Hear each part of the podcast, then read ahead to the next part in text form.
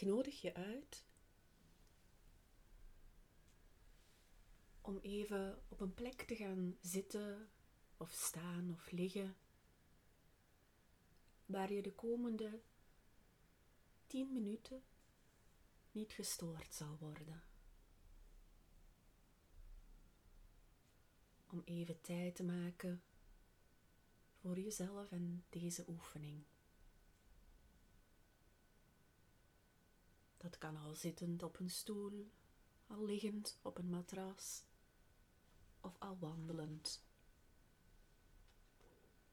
Misschien zit je op de trein of in een wachtruimte. En dan kan het helpen, maar het is niet nodig om je ogen te sluiten.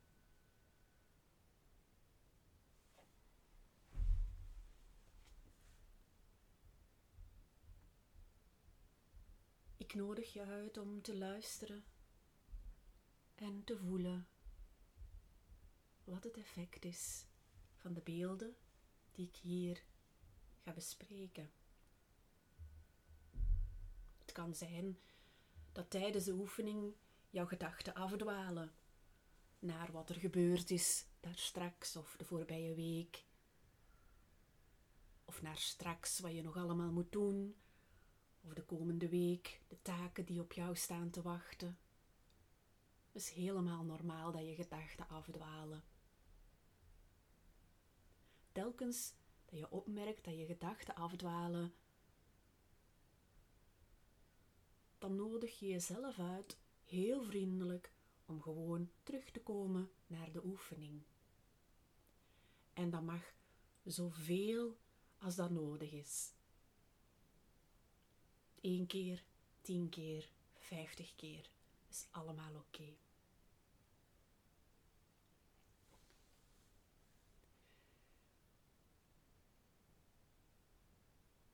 Je hebt in je leven misschien al wel eens een meer gezien.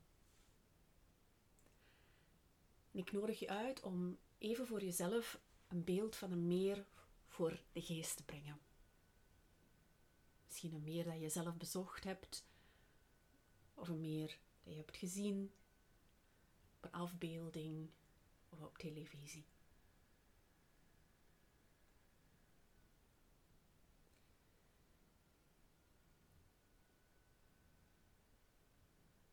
Ik ga nu enkele aspecten van het meer toelichten.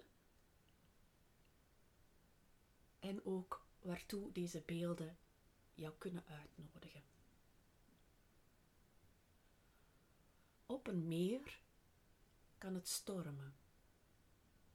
Zoals het kan stormen in ons leven en er heftige emoties kunnen zijn.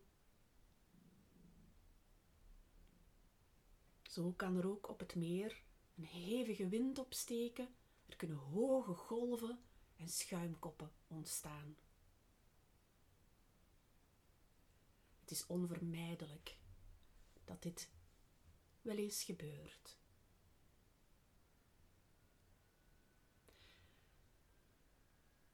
Het eerste aspect van het beeld van de storm op het meer is het vermogen van water om allerlei vormen aan te nemen en toch water te blijven. In dit beeld kan het water de vorm aannemen van de golven, maar ook van de regendruppels die vallen. Het water kan ook de vorm aannemen van een dikke grijze, donkere wolk. En misschien is het water in het meer eerst een opwellende bron geweest of een kabbelende bergrivier. Of misschien is het water in het meer langs een waterval hier terechtgekomen en met een groot gedruis naar beneden gestort. En in al die omstandigheden blijft water water.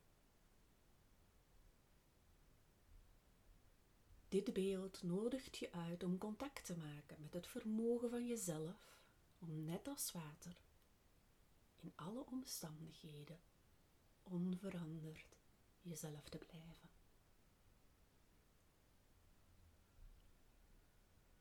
is nog een ander aspect aan de storm op het meer. Hoe hevig de storm ook is, hoe hoog de emoties ook oplaaien, de storm woedt alleen aan de oppervlakte van het meer. De wind beroert alleen de oppervlakte. De golven en de schuimkoppen van het meer komen alleen aan de oppervlakte van het meer voor.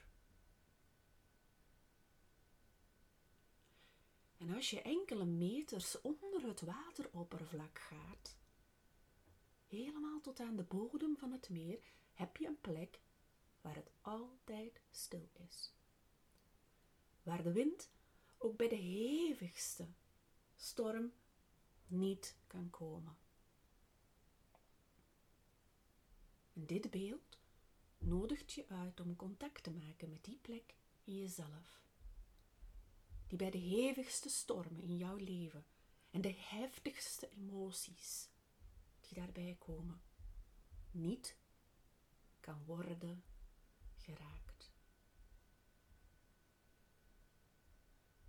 Dit neemt niet weg dat de storm aan de oppervlakte onverminderd verder woedt, terwijl het onderaan het meer stil en onberoerd is. Hoe kunnen we gepast omgaan met onvermijdelijke klappen die het leven ons uitdeelt? Hoe kan je daarmee leven? Zoals alles breekt altijd weer een moment aan wanneer de wind gaat liggen en de wolken verdwijnen. Ook aan de grootste crisissen komt een eind in ons leven. Als je midden in de crisis zit, kan je jezelf dat moeilijk voorstellen. Je kan misschien nadenken over wat jou gesteund heeft. In moeilijke periodes die je al doorstaan hebt in het verleden. Hoe ben je daardoor gekomen?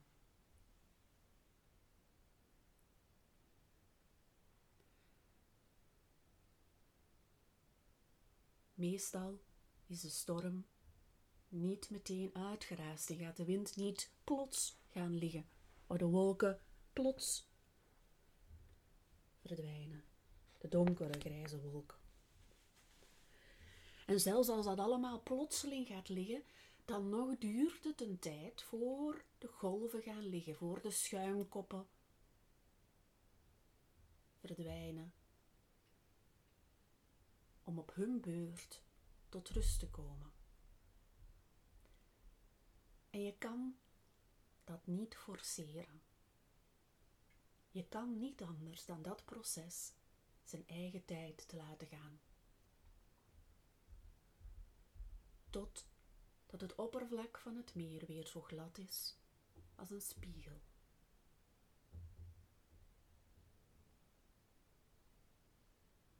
Een laatste aspect aan de storm op het meer speelt zich af aan de oevers van het meer, waar het ondiep is. Het water is er troebel geworden.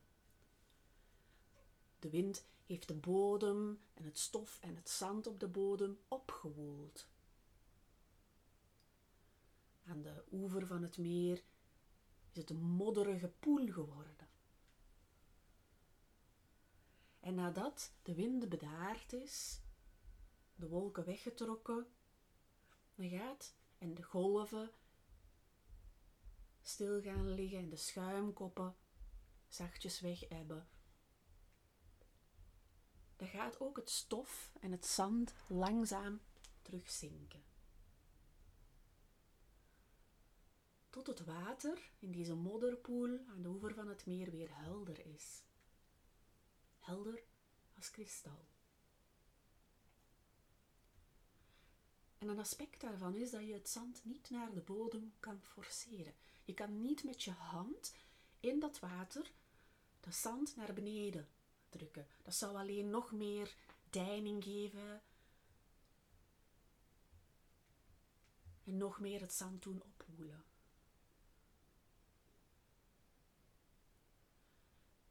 Dit beeld nodigt je uit om contact te maken met het vermogen van jezelf om tijd te geven en glad te zijn als een spiegel.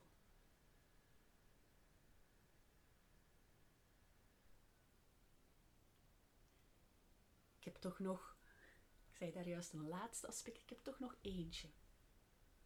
En ik weet niet, het is maar een gedachte, maar ik, ik wil het graag delen met jullie, met jou.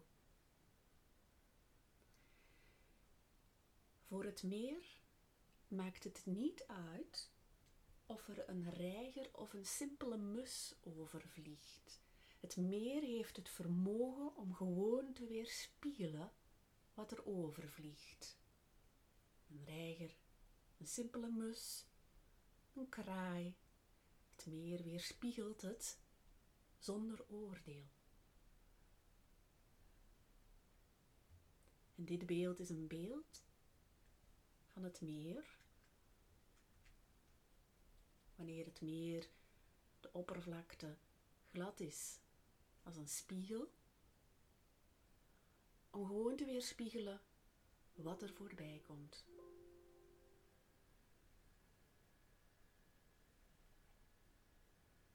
En er is een boeddhistisch zen spreekwoord